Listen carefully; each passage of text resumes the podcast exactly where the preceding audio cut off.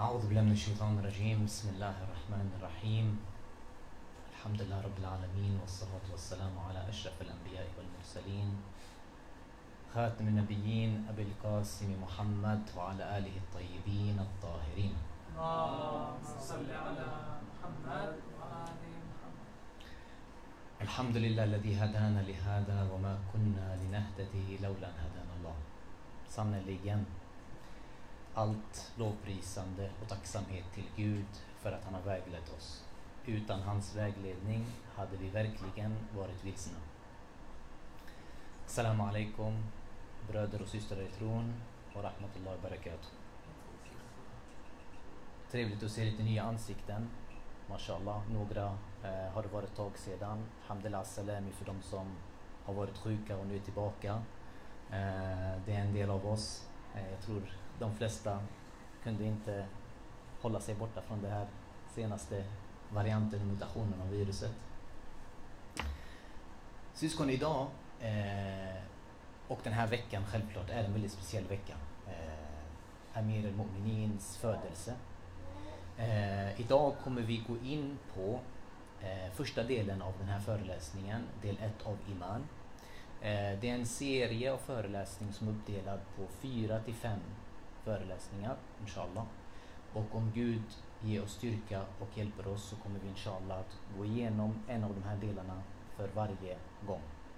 Vi kommer börja idag med att öppna upp ämnet, eh, inleda det eh, och ta ganska grundläggande bitar i det för att vi sedan på vår väg inshallah ska dyka djupare i ämnet. Skicka en salat.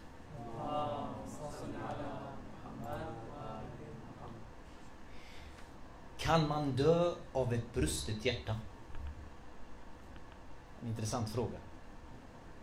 Med brustet hjärta, jag menar inte då här att man sliter isär fysiskt hjärta. Utan jag tänker mig här mer ett brustet hjärta som man, när man talar i metaforer av stress eller sorg. En så stark sorg och så stark stress som gör att hjärtat brister, helt enkelt.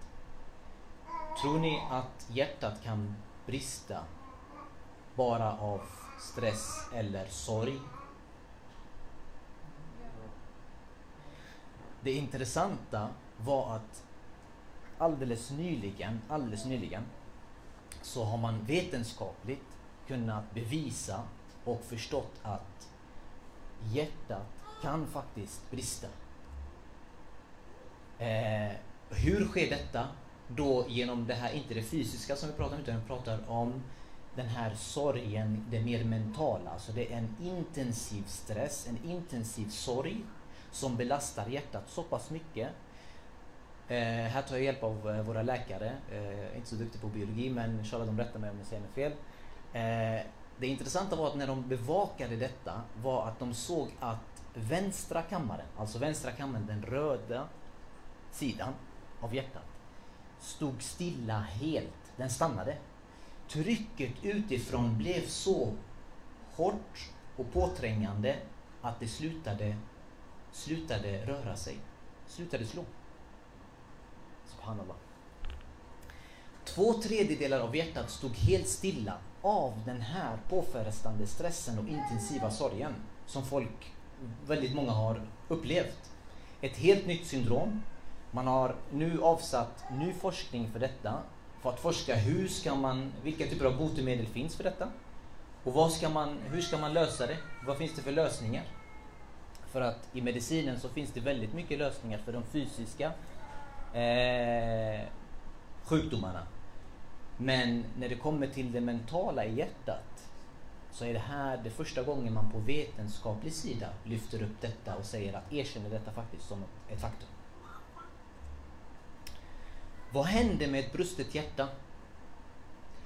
Eh, I ett inslag på SVT eh, för kanske bara två, tre veckor sedan så lyfte en professor i eh, kriminologi upp eh, att självskador har ökat så pass mycket så att de är högre än våldsbrott.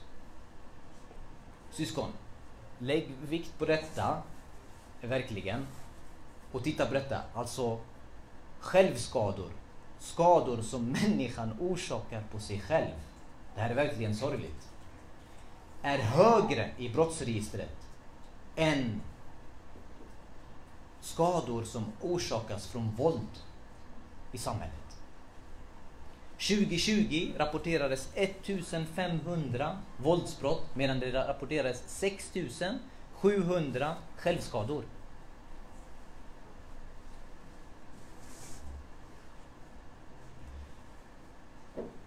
Kanske därför som vi har ett citat och en hadis från Imam Ali salam som säger Hjärtats sjukdom är värre än kroppens sjukdom.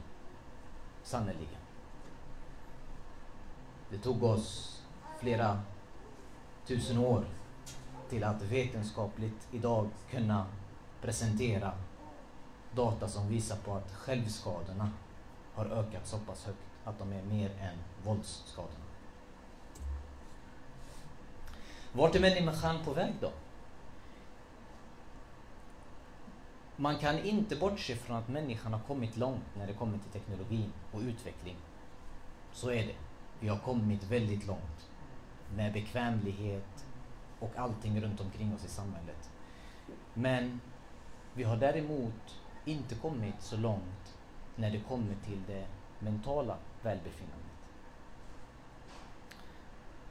Faktum är att vi idag känner oss mer vilsna än någonsin förr.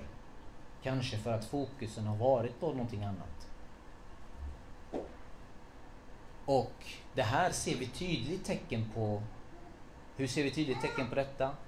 Alla influencers, skådespelare, fotbollsstjärnor, alla typer av idoler, så fort de kommer eller blir kända eller någonting, du ser att hela världens befolkning följer, följer dem, gör som de gör, tar efter dem, imiterar dem.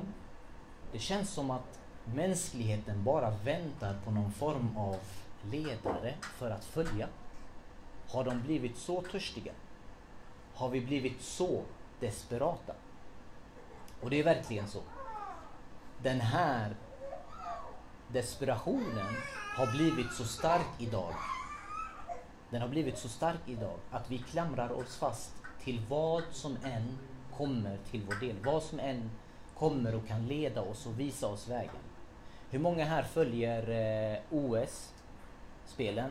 OS i eh, Peking? Det är inte så många? Nej? Ja, det, vi, vi, vi är inte så intresserade av detta. eh, hur som helst, eh, det går väldigt bra för Sverige. Eh, ja, det är fotboll, det är mer fotboll, jag vet. Eh, det, det, går väldigt bra. Det går bra, väldigt bra för Sverige. Eh, jag tror bland de leder faktiskt eh, medalj, eh, medaljlistan. Hur som helst, det finns en väldigt eh, intressant, nu är inte en broder här som bor i Trollhättan här men annars, eh, men vi har en annan broder som bor i Trollhättan. Nils von der Poel, han kom från Trollhättan. Han har tagit nu två stycken guldmedaljörer. Det jag vill komma fram till är att eh, han skrev en bok nyligen, han släppte den. Han släppte den. Det handlar om hans liv, hur han tränar. En bok om träning. Men där han också tar upp saker som eh, det mentala välbefinnandet, det, det själsliga arbetet och utvecklingen som han gör. Och han, sätter, han säger att här att det som har gjort att han har lyckats är att han har ett högre mål och högre syfte. Och han går in på egentligen, han har fört dagbok på egentligen sina träningspass helt enkelt. Och han pratar egentligen. Den här boken släpptes, den är slutsåld. Den är helt slutsåld. Eh, bara för att visa egentligen vilken desperation. Alltså vi, vi tar allting. Den här, han här är framgångsrik, jag vill lära mig hur jag vill veta hur. Hur lever den här personen? Vad gör den här personen? Hur kan jag också bli framgångsrik? Hur kan jag också må bra?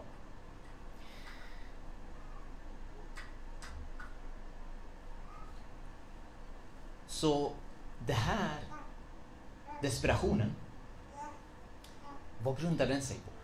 Den grundar sig på den grundar sig på tvivel. Den rotar sig in i tvivel. Tvivlet gör att vi blir desperata. Det blir någon sökande och törst för någonting. Det blir ett tomrum. Vad är motsatsen till tvivel? Alltså check. Är det någon som vet? Motsatsen till check. Motsatsen till check, det är ju iman. Iman. Tro. Alltså, tvivel. Motsatsen blir tro. Att tro på någonting. När jag har tro, går checken bort. Låt oss ta några exempel på iman och tro. När vi har fullt förtroende för en person utan tvekan och litar på honom, då säger vi att vi har iman på den här personen.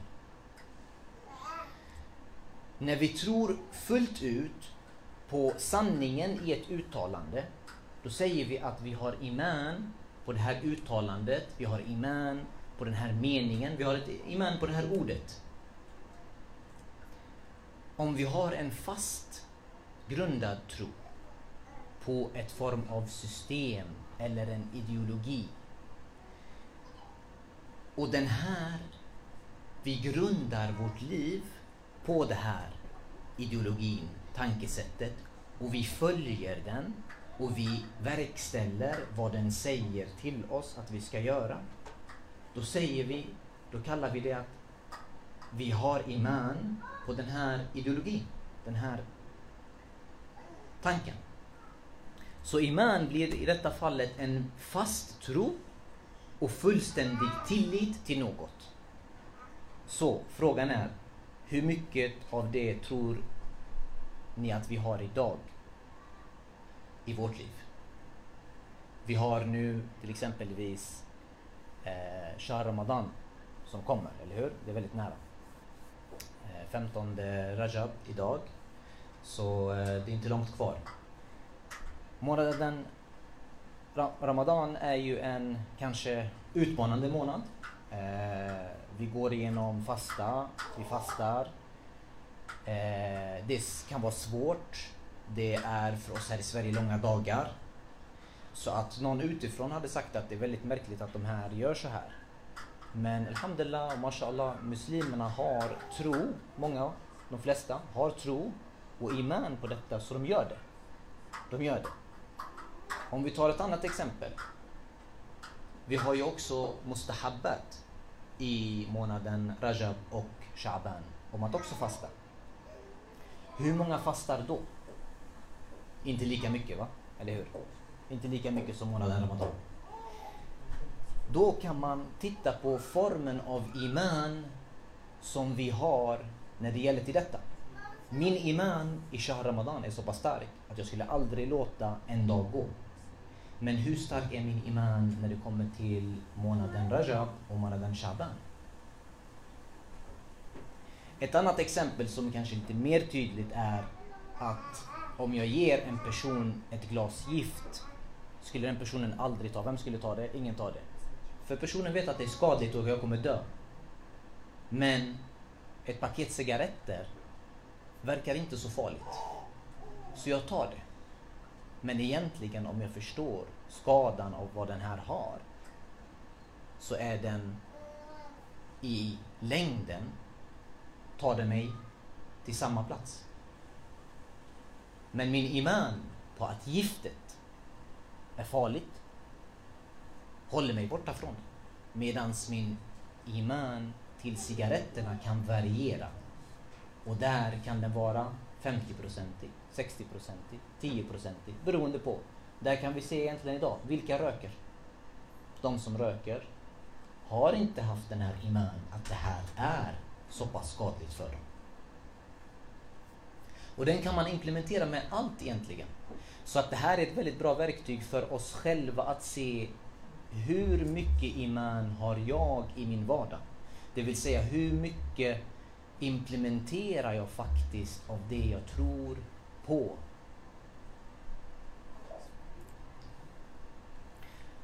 Nu går vi in på eh, imans roll under barndomen och det här är väldigt intressant. För att den här resan kommer nu hjälpa oss sen i fortsättningen och vi behöver börja från början. Och allting startar ju i barndomen om inte innan barndomen också. Men vi börjar från barndomen. Den främsta psykologiska faktorn i ett barns liv eh, är just den här uppfostran, den här uppfostrandelen. Iman är den axel som egentligen barnet kretsar kring. I form av vad då? Jo, i form av de som uppfostrar honom eller henne. Alltså föräldrarna, eh, syskonen, lärare. Allting är formar barnet från de här personerna. Alltså det är imanen i de här personerna och deras iman som överförs till barnet.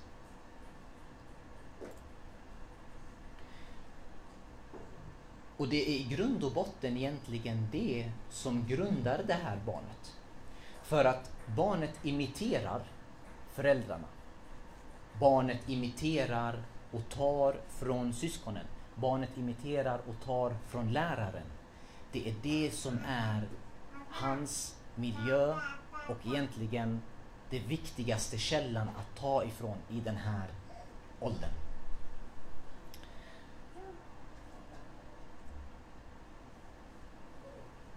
Vad händer om den här iman tas bort? Vad händer om den här iman tas bort, Allah? Om den här imanen tas bort så finns det inga medel i världen som kan hjälpa. För att när den här imanen går bort så ersätts den med tvivel och check. Den här checken och tvivlen, vad gör den? Den krossar barnets självförtroende. Ett barn med krossat självförtroende, vad kommer den göra? Det här är då vi börjar komma i väldigt mörka rum. Väldigt mörka rum, syskon. Och det här är vad vi kan titta på vad det moderna samhället har dragit oss.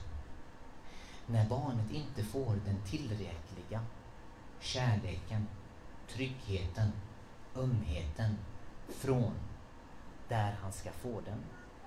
Eller när imanen från källan är inte ren. Vad kommer komma till barnet? Då byggs den här tvivlet och det är då vi ser skador. Och la samahallah, Gud förbjude självskador. Leda så långt om det lämnas. Hur blir uppfostran med iman? Med iman ger lycka till barnet. Vilket barn älskar inte kärlek? Vilket barn älskar inte ömhet? Nu sitter här ett barn framför oss. Brodern läser till honom. Vilken trygghet, vilken kärlek. Han sitter i hans fars famn. Han har allting han behöver. Tiden som han ger till honom. Det här ger barnet lycka och framgång.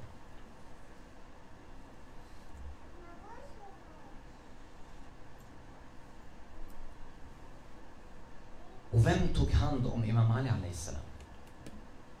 Ni vet, det fina är att varje sak har sin plats. Gud har skapat för allting sin plats.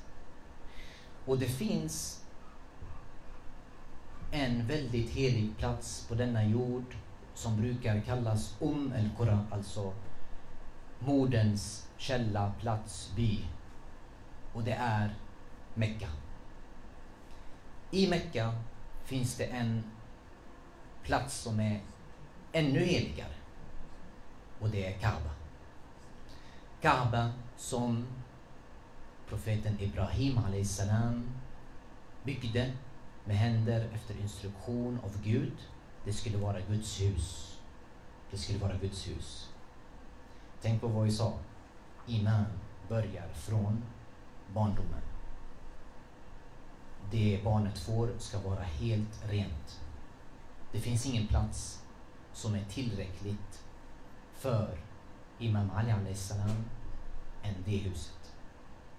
Kaaba. När Fatima bint Asad började känna att verkarna komma bad hon till Gud. Och ni vet historien.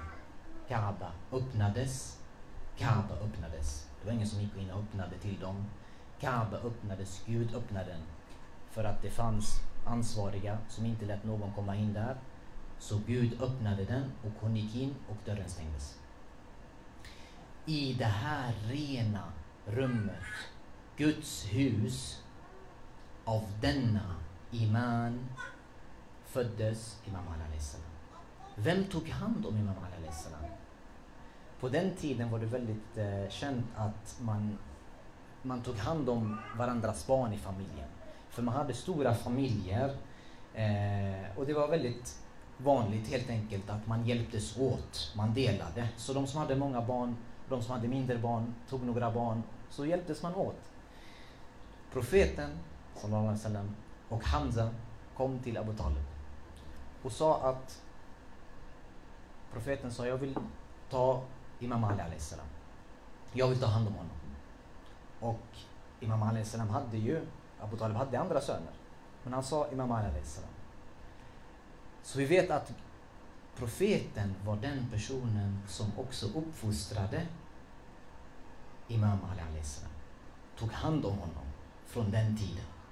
Och det är vackert när vi relaterade till just den här imans roll under barndomen. Vi kommer komma tillbaka till den. Så barnets iman är egentligen en reflektion av kärleken och tilliten som den har fått i det här trygga familjeförvaret. Jag ska, jag ser att tiden går ganska snabbt. Jag ska skynda mig lite här lite. En, en hängiven atomfysiker, det är en, eh, en berättelse från skoltiden. Eh, för att den här imanen, den här passionen, det kan man se också på, på andra människor. Man kan se det här i andra människors ansikten. Man behöver kanske inte vara direkt religiös troende utan man kan ha sin egen tro, en tro på någonting. Det kan ge honom den här gnistan. Hur som helst, vi hade en, eh, en lärare i eh, skoltiden som var väldigt passionerad kring matematik. Eh, han var så hängiven så att när han gick in i klassen och började skriva sina härledningar på tavlan så fanns ingenting annat än bara den tavlan och de ekvationerna som han skrev så vi försvann där i. Så han fortsatte och skrev och skrev och skrev och skrev och skrev. Jag kommer inte ihåg ifall det var tre eller fyra tavlor. Jag tror alla fyra tavlor blev fyllda och vi, vi, vi satt och antecknade. Vi hann inte med att anteckna. Eh, men han var så uppslukad så han bara, och vi försökte fråga emellan men han hörde inte ens vad vi sa. Så han, han, han fortsatte på. Till slut var det någon som ropade lite högre och sa eh, Snälla ska vi, ska vi kunna allt detta? Så vände han sig om och sa eh, Nej, nej. Nej, nej, nej, nej. Så, så då kände vi lugn alltså. Alhamdulillah, så kunde allt det där. Det är ett, en ekvation, ett helt tal. Han sa nej. Ni ska inte kunna det, ni ska kunna härleda det. Så det, det, det var en passionerad person som man verkligen såg glittrade i ögonen på honom när han fick prata om matematik och lära matematik. Vad händer i tonåren? I tonåren är det en väldigt känslig period. Det är mycket intryck. Eh, och tonåren eh, går man igenom egentligen man går igenom egentligen väldigt många kanske skakande upplevelser. Nya intryck, mycket saker händer. Det som är bra i tidiga tonåren är att när man har iman på någonting så går man från en iman till en annan iman. Man lär sig någonting hela tiden. Alltså, den tidiga tonåren består mycket av att det är mycket intryck som händer, det är mycket händelser och den tron jag, som jag har idag kanske ändrar sig imorgon. Men vad som är bra och positivt i det här, det är att jag, barnet ersätter imanen med någonting annat. Förnyar hela tiden. Den försvinner inte. Den bara byts ut med någonting annat. För den lär sig någonting hela, hela tiden. Den lär sig mer och mer hela tiden. Och det är därför vi ser att eh, i den här åldern är det också väldigt enkelt att eh, barn ändrar uppfattning eller ändrar sin åsikt om någonting. Vi kan se att när de leker till exempel Ena stunden är de kanske vänner, sen är det plötsligt bara ovänner och sen är de vänner igen. Det går jättesnabbt. Eh, det skiftar jättesnabbt. Eh, och vi upplever det, föräldrar upplever också att eh, när man, eller man har pratat med något barn så upplever man också att det här att det är väldigt enkelt att kanske övertala. Eh, alltså om barnet är ledsen vill du ha en glass eller lite godis så är man eh, nöjd, eller hur? Vad händer i tonåren då? I tonåren är det mycket hormoner. Det är mycket känslor. Känslorna är berg och dalbana. Går det att säga du kan få en glass eller du får en godis? Det är inte, jag kan säga så här, jag har barn, tonåringar, det funkar inte. Det funkar inte längre då. Då ska det vara någonting annat som man ska kunna lägga fram och presentera. Så det är en känslig period. Det är en mycket känslig period. Eh, det är en känslig period för att det är mycket intryck utöver att det är mycket omskakande upplevelser. Men det är en viktig period. Det är en viktig period för tonåringarna. För vi ska komma in också i, eh, in lite mer i detta, alltså vad själva funktionen av, av det är lite senare.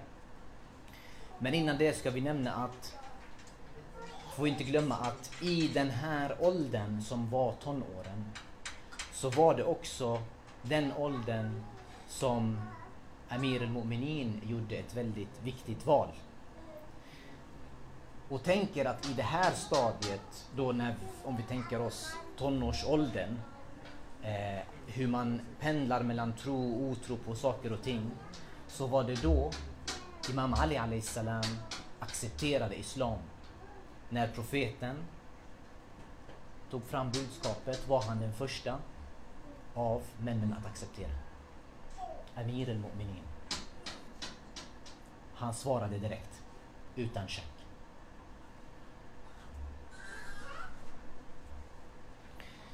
Är tvivel bra?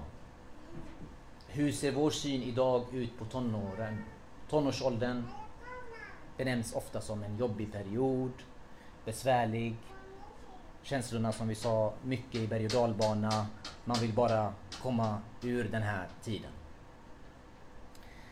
Men sanningen är att den här tonåren är en av de viktigaste perioderna i barnets liv. En av de viktigaste i barnets liv för att det är det som formar den här personligheten. Om om tvivlet leder till att vi söker någonting djupare och mer, då kan vi kalla den positiv. Men när tvivlet leder till att den krossar någonting och lämnar den krossad, då är den inte positiv längre. Och det vackra med tonåren är att det är en fas för att bygga upp människan. Och om inte någonting krossas, kan det då byggas starkare? Nej. Så tonåren är den här viktiga perioden där saker och ting ska krossas. Din iman på saker och ting ska krossas. För du byggde ditt hus av trä, nu ska du uppgradera det till sten. Du byggde det på sten, du ska bygga det på betong. Och så vidare och så vidare tills det blir helt solidt. Och det är funktionen av tvivel. Det är funktionen av tvivel. Det är att bygga upp den här personligheten till en starkare person. När vi ser det ur det perspektivet så blir plötsligt tonåren någonting väldigt viktigt och, och någonting positivt egentligen.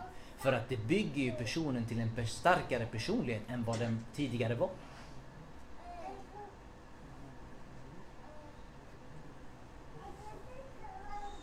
Och det är ju det som hade hänt utan tvivel. Utan tvivel så hade det inte drivit egentligen människan framåt att söka en djupare mening, en djupare sanning. Det är egentligen det som är huvudsyftet i detta.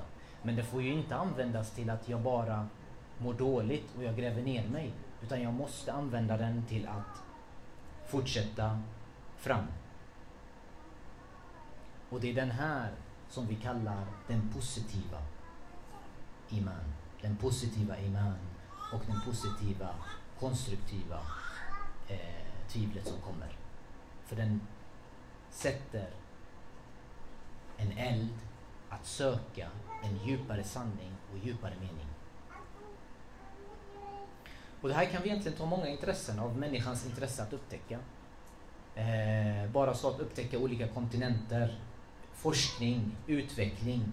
Allt detta, det är en passion och en iman i någonting. De här forskarna har en iman i någonting. De tror på någonting, därför de gör det. Och det är därför de har den här glöden som de gör det. Och i slutändan, den som söker, den finner. Så är det. Tror människan, tror människorna att de efter att ha förklarat vi tror ska lämnas i fred utan att få utstå prövningar? Och vad är prövningarna? Det är ju det här. Räcker det att jag säger jag tror? Ja, jag tror. Jag tror på Gud. Kallas det räcker. Nej. Det finns prövningar också. Hur stark är din iman? Du tror på att du ska fasta. Du tror på att någonting är skadligt. Du tror på att någonting är bra. Men hur mycket lever du upp till de här sakerna? Och iman som är positiv och konstruktiv, vad leder den till? Handling. Den leder mig till handling. Så vad hade du gjort om jag frågar dig nu? Vad hade du gjort om eh, du fick reda på att eh, i, ikväll, i natt, i natt, så kommer några personer och kommer att döda dig. De kommer att döda dig och du behöver sova i sängen. Vad hade du gjort? Hade du sovit i den sängen? Eller hade du försökt komma undan? När någon vänder sig till dig om hjälp, vad känner du då? Känner du att det är jobbigt, besvärligt, att den här personen vänder sig till mig och behöver min hjälp? Faktum är att våra alama säger att det är den största välsignelsen att någon vänder sig till dig. För att om personen har vänt sig till dig, det betyder att han ser att hjälpen kan lösas och problemet kan lösas hos dig, hos bara dig. Så det här är en stor välsignelse egentligen att en person har sträckt ut handen till just dig och gett dig äran och sagt att jag tror på hela, alla människor, så tror jag på dig att du kan lösa det. Så ta tillfället och hjälp. Profeten, när han skulle göra hijra, ni kommer ihåg, Gud uppenbarade till honom att de håller på och planerar. Yamkurun och yamkurullah wallahu khairun makirin. De planerar någonting. Vem gav han uppgiften till? Att, för att någon behövde stanna i huset så att inte de får en känsla av att profeten har börjat emigrera. Han gick till Imam Ali salam. Vad svarade? Vad svarade? Vad svarade Imam Ali Islam? Han svarade eh, Kommer du profet, Ja Rasulallah, kommer du vara i khair? Kommer du vara i khair? Alltså, jag får, jag får frågan att jag kanske, du ska sätta mig i en situation där jag dör och jag frågar efter dig, vad som kommer hända med dig. Vad är det här för iman?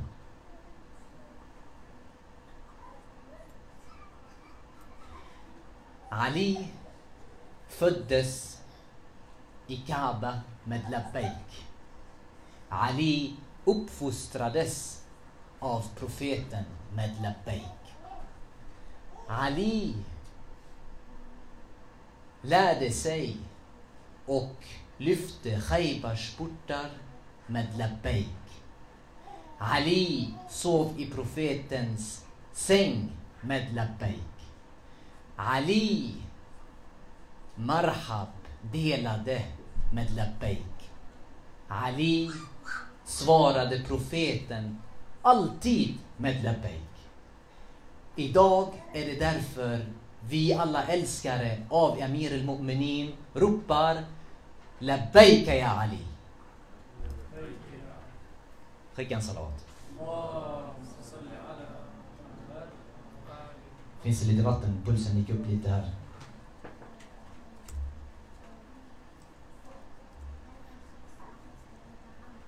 Labbaika ya Ali. Så vad säger Imam Ali salam om de här sakerna? Imam Ali salam ger en lösning. Och vi läser den i... Eh, tack så mycket. Eh, vi läser den i Dua Vad läser vi? Dhikruhu shifa. Eller hur? Guds ord är hjärtats medicin. Låt oss gå till Guds ord. Gud vidgar bröstet hos den som han vill vägleda så att det kan fyllas av underkastelse under hans vilja. Men hos den som han vill låta gå vilse låter han bröstet pressas samman i ångest. Kom ihåg bilden? Första, första sidan. Pressas samman i ångest som hos den som stiger upp för ett berg, högt berg. Så låter Gud nederlagets skam drabba dem som inte vill tro. Allahu Akbar. Vad innebär ett stort hjärta? Ett stort hjärta, syskon, det är det är den som klarar av svårigheter och prövningar, stress och motgång och som tar det med tålamod. Det är stort hjärta. Det är en person med stort bröst. Man kan jämföra en sten som slängs i ett hav med en som slängs i en pöl. Vad händer om jag slänger, kastar en sten i ett hav? Den bara sväljer den. Det bara försvinner. Det ser inte ut som att jag har gjort någonting. Medan om jag kastar i en pöl så syns den väldigt tydligt. Och om jag kastar några till så kommer den täcka hela pölen. Men havet, jag kan kasta hur många stenar som helst. Jag kommer bli trött, utmattad innan jag ens klarar av att se att det finns någon sten där. Vackert. Så när vårt hjärta blir det här havet, spelar ingen roll vilket fult ord vi hör eller vilken negativitet vi hör, i Sverige. Vi klarar av. Så hur blir den stor? Hur blir den stor? Bismillah Rahman Rahim, Al-yawmu akmaltu lakum dinakum وأتممت عليكم نعمتي. Idag, denna dag, har jag fullbordat det religiösa regelverket för er och skänkt er min välsignelse i fullaste mått. Vilken är den här välsignelsen? Vem är den här fulländningen? Så iman avlägsnar tvivel. Den fyller tomrummet i hjärtat så den aldrig kan brista igen. Men för att det ska fulländas helt behövs någonting mer syskon. Det behövs någonting mer. Den behöver en fulländande iman. Det är precis vad Imam Ali salam är. Personifieringen av perfektionen av iman. Så för att bli stor och aldrig brista igen, vad behöver vi göra? Fyll den med kärlek till Ali. Fyll den, syskon.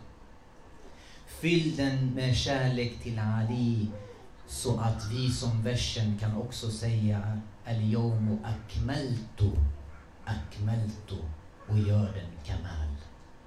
Gör den kamel. Skicka en salam.